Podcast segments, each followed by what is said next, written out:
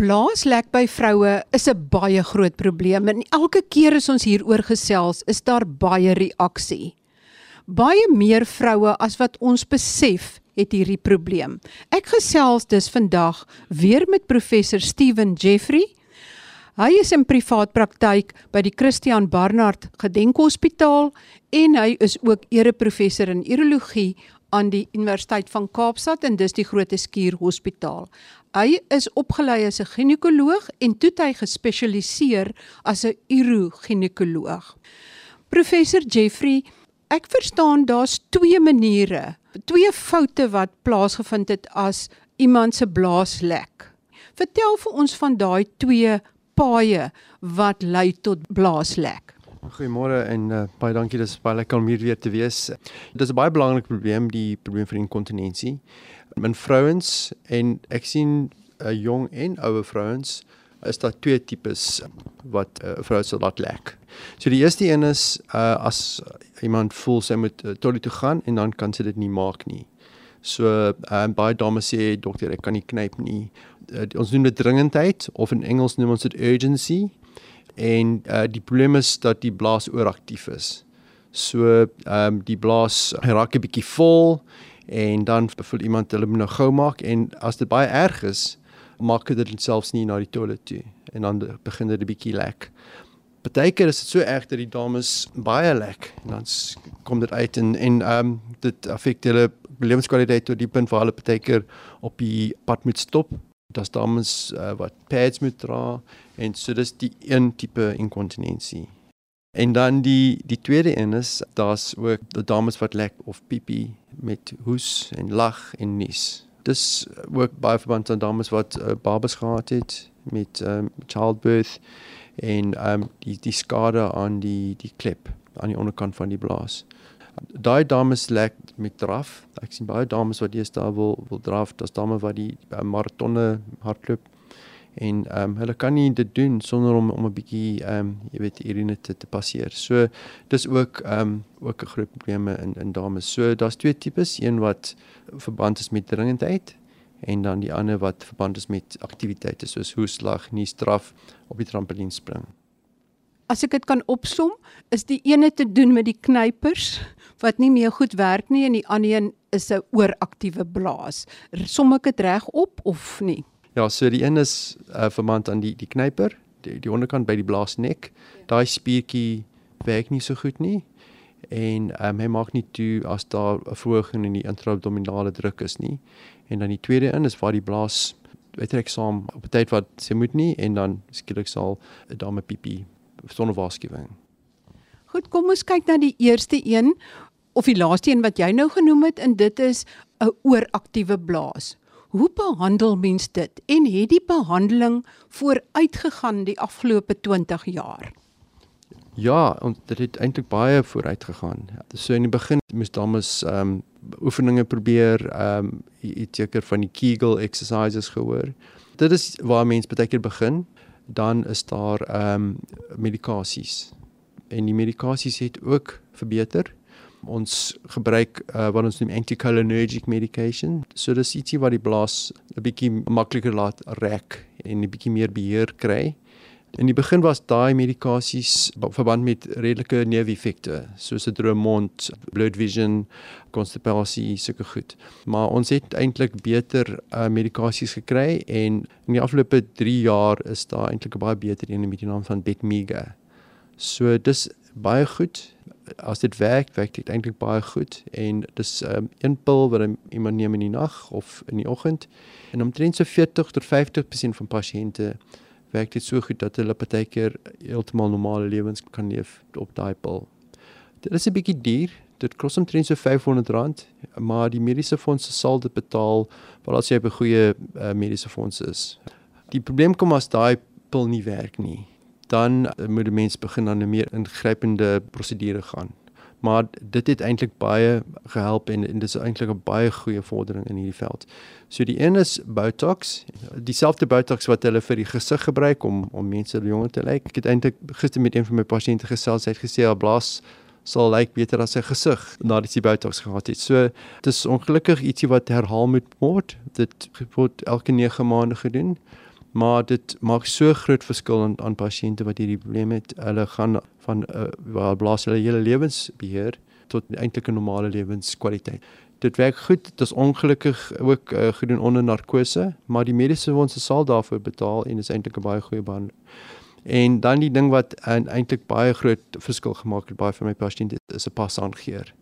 Die, die mense lag vir my. Dis dis eintlik 'n baie snaakse ding as as jy dit eers vir 'n pasiënt verduidelik. Maar dis 'n klein passangeertjie. Dis ehm um, omtrent so groot soos ehm um, what should I say? Maybe a matchbox. En dit word in die bout net onder die die vetjies daar in die bout gesit en dan stimuleer mense die senuwee wat na die blaas toe gaan. En dit word ook gedek deur die mediese fondse en ehm um, dis eintlik 'n baie goeie behandeling vir dames wat hierdie probleem het van dringendheid waar hulle pipi sonder uh, waarskuwing en hulle moet gou maak om toilet toe te gaan. Dus vir my die die twee meer ingreepende maar die goed wat eintlik baie goed werk in daai dames. Die ehm um, passangeertjie wat jy insit, stimuleer dit die blaas en so opsig dat dit die blaas laat ontspan of stimuleer dit dit meer saamtrek. Want ek probeer nou in my kop uitwerk 'n passagier stimuleer mos en hierdie blaas is klaar ooraktief hy trek saam wanneer hy glad nie moet nie. So hoe werk die passagier? Ja dis 'n goeie vraag. Ehm um, dit is bietjie soos die hart. En die mense sal lag ook as ek so sê maar die blaas het ook amper 'n ritme. Hy moet kan uh, rek om die rene te hou en dan moet hy weer saamtrek So wat die passe aangee doen, hy stimuleer senuwee wat die blaas beheer. So hy help net die senuwee om meer normale aktiwiteit te hê. So as die blaas met rek om die urine te hou, dan stimuleer die senuwee om dit te, te help. En as 'n mens moet weer gaan urineer of pipi, dan sal hy die senuwee help om om die blaas uh, saam te trek. So dit bring 'n meer normale blaasaktiwiteit in. So dit is hoe dit werk. Net in interessantheidshalwe, hy werk ook baie goed vir dames wat fekale inkontinensie het en dis eintlik 'n baie goeie behandeling daarvoor ook. So ek uh, gebruik die passagier vir dames wat selfs um, baie erge of baie um embarrassing um, probleme het van fekale inkontinensie. En as dames wel al twee het, en dis eintlik 'n baie goeie behandeling daarvoor. In die medikasie wat die um blaas laat verslap. Die een wat ek die meeste gebruik is Betmega en dis meer soos 'n uh, beta blocker. So dis dit's amper soos die hoë bloeddrukpille en dis hoekom dit eintlik so goed werk want die mens is baie voel baie gemaklik om bloeddrukpille te gebruik. So dis net amper soos 'n bloeddrukpil en en dit wel help eintlik baie van my pasiënte. Weet julle wat die oorsake van 'n ooraktiewe blaas is? Maar in omtrent 90% van pasiënte weet ons nie presies wat dit veroorsaak. Dit is uh, neurologiese probleme wat wel 'n ooraktiewe blaas ook veroorsaak, soos multiple sclerosis, ehm um, mense wat ehm um, spinale koord ehm um, operasies of ehm um, spinale koord ehm um, trauma gehad het. Maar omtrent die 9/10 pasiënte weet ons nie presies wat dit veroorsaak en ek sê dit is amper soos 'n fibrillasie van die hart. Jy kry amper 'n fibrillasie van die blaas dis gewoonlik die probleem. Dit kan verband hê met kanker, ehm um, dit kan 'n blaassteen wees, maar dis baie baie raar dat dit wel ehm um, die die oorsaak is. Maar ehm um, as 'n mens die simptome het van 'n ooraktiewe blaas, is dit eintlik ehm um, goed om om net dalk te gaan kyk met 'n scope. Maar omtrent so 90% van die gevalle is dit ehm um, nie ehm um, verband met enige ander iets anders net ehm um, so ons noem dit idiopathic of idiopathiese probleem. Dit is dan die inligting oor een van die probleme wat verkeerd gaan wanneer 'n vrou se blaas lek. Die ooraktiewe blaas. Wanneer die blaas saamtrek wanneer hy nie moet nie of baie onverwags. Met ander woorde, die vrou kan nie vinnig genoeg by die toilet kom nie. Daar's hierdie gevoel van dringendheid om onmiddellik te moet piepie. En hiervoor is daar eerstens kegeloefeninge, medikasie en dan ook 'n operasie waarin ek baie klein pasangeertjie in jou bout gesit word wat die blaas dan help om weer sy normale aksie uit te voer om genoeg urine te akkommodeer wanneer dit nodig is en te moet saamtrek wanneer dit nodig is en nie buite beheer te begin saamtrek nie. Gaan kyk gerus op www.rsg.co.za in die artikel oor blaaslek.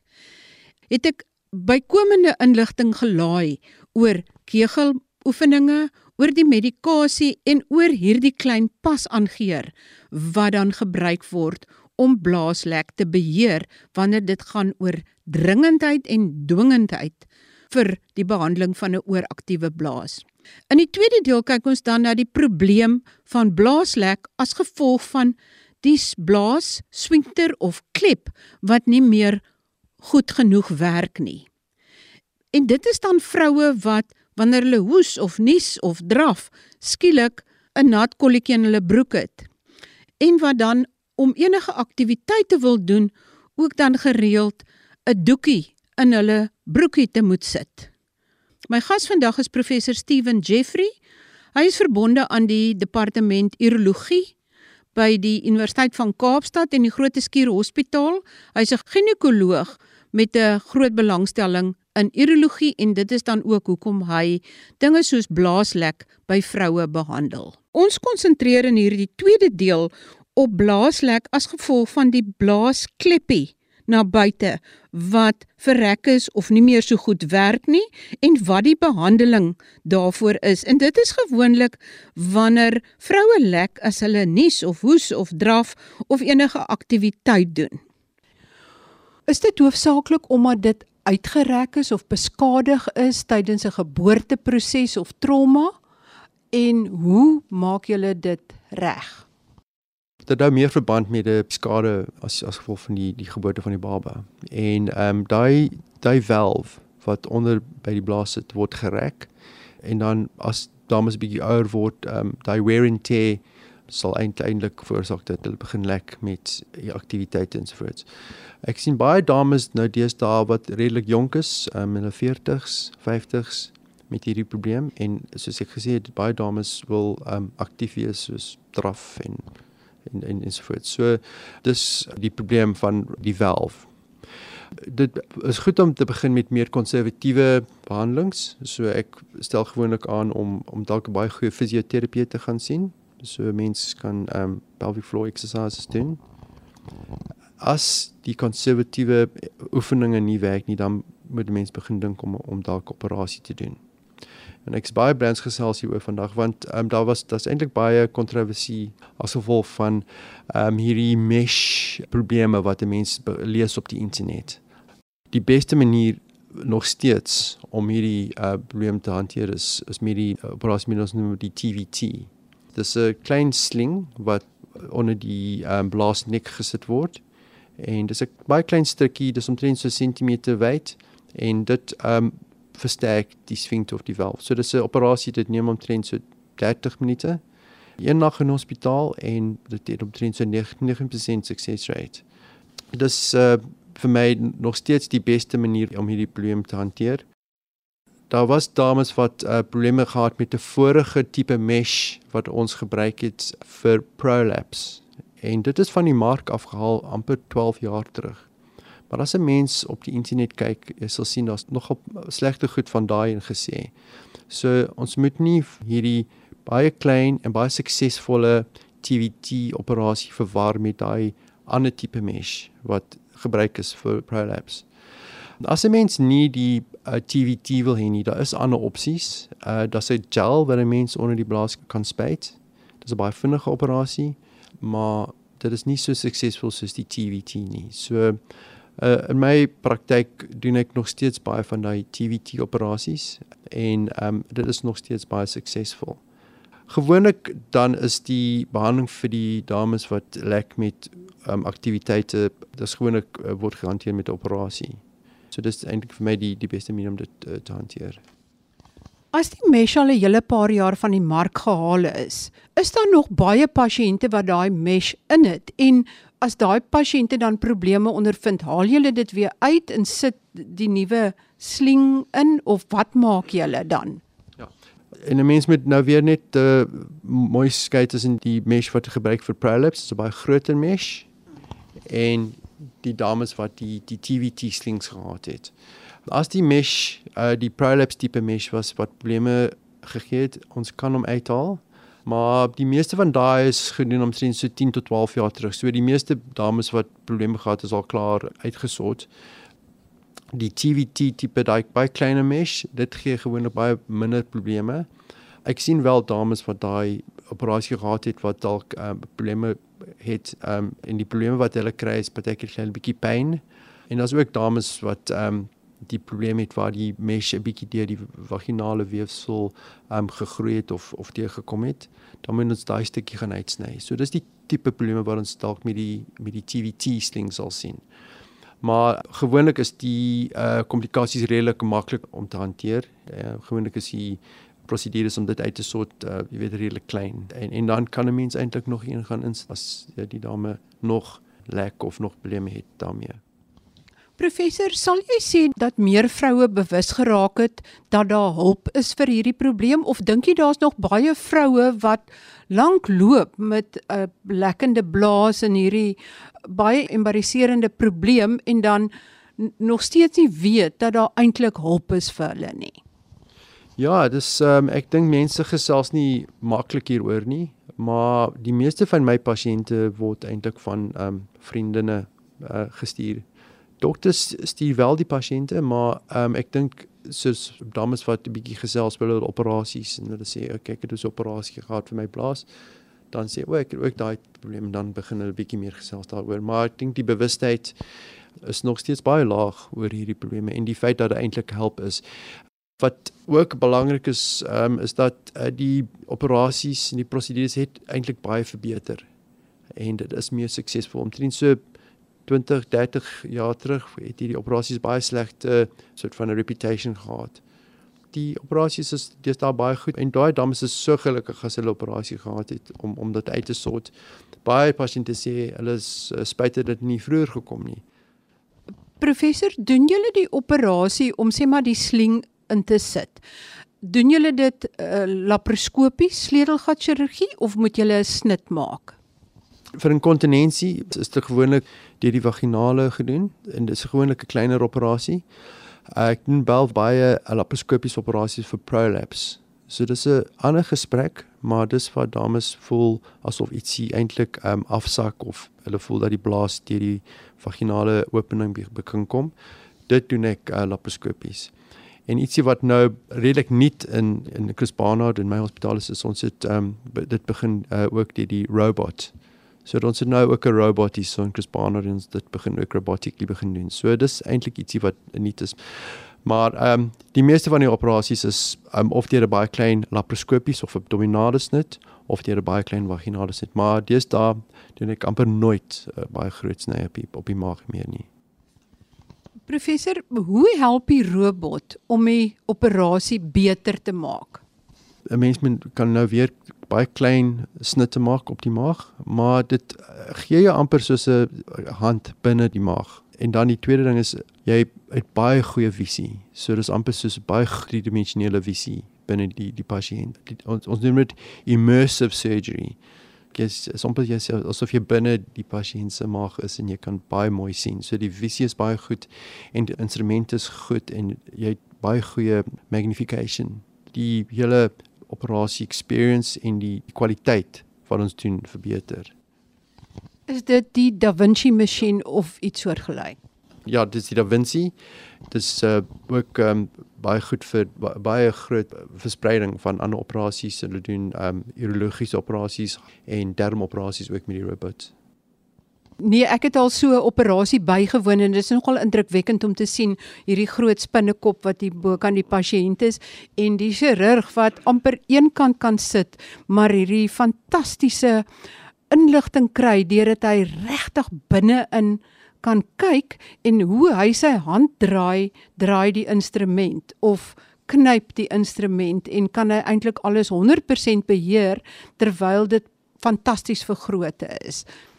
Dit is 'n baie baie opwindende vordering in, in ons veld en um in die afgelope paar maande het ons nou hierdie uh prolapse en hierdie pelviese vloer probleme nou begin doen iets by Chris Barnard op op die robot. So dis dis eintlik 'n baie goeie ding vir pasiënte ek moet sê die pyn wat die pasiënt het is baie baie minder want die stres op die abdominale wand is baie min en hulle hulle baie baie goeie verbetering na die operasies. Ja, dis 'n baie goeie vordering en en ek's baie bly dat die mediese fonds nou begin daarvoor betaal ook. So discovery pasiënte word eintlik baie goed betaal daarvoor ook.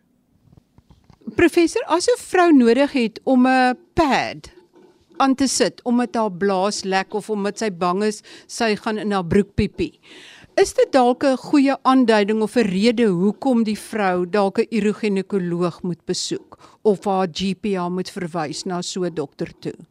Absolutely. Ja, ek dink ehm um, as jy begin pads dra, dis regtig nie nodig nie. Ehm um, en uh, soos my vorige uh, voornoot gesê het, ehm um, diapers are for babies, not ladies. En as iemand pads begin dra, dan is dit 'n baie goeie aanduiding om hulp te kry want dit is glad nie nodig nie en daar is hulp beskikbaar. Professor, as jy 'n laaste sin moet sê wat eh, soos 'n huistoeneem boodskap, wat sal dit wees wat jy wil hê die publiek daar buite moet van kennis neem? Ja, inkontinensie is nie deel van die verouderingsproses nie. 'n Mens hoef nie daarmee te leef nie en daar's baie hulp beskikbaar. So ask around, uh, vra wie in jou area hierdie uh, probleme um, hanteer en en gaan sien hulle en, en kry hulp daarvoor. Baie dankie aan my gas vandag, professor Steven Jeffrey, verbonde aan die departement urologie by die Universiteit van Kaapstad en Groote Schuur Hospitaal en 'n ginekoloog met 'n spesiale belangstelling in urologie. Deesdae word dit uroginekologie genoem en hy is by die Christian Barnard Gedenk Hospitaal in Kaapstad se middestad. En soos hy en sy kollegas gesê het, nappies are for babies, not for ladies. En as jy 'n doekie moet dra omdat jy blaaslek het, besoek 'n dokter en word verwys na een van hierdie spesialiste wat blaaslek by vroue behandel, want daar is hulp. Tot volgende keer dan wanneer ek weer oor gesondheidsake gesels en dan gesels ek oor sarkoom. Daardie kankersoort wat dikwels by jong mense gediagnoseer word, tieners en jong volwassenes en ek het besoek afgelê by 'n een eenheid wat juis ingerig is om kanker by kinders, tieners en jong volwassenes te behandel. Tot volgende week dan. Baie groete van my, Marie Hudson.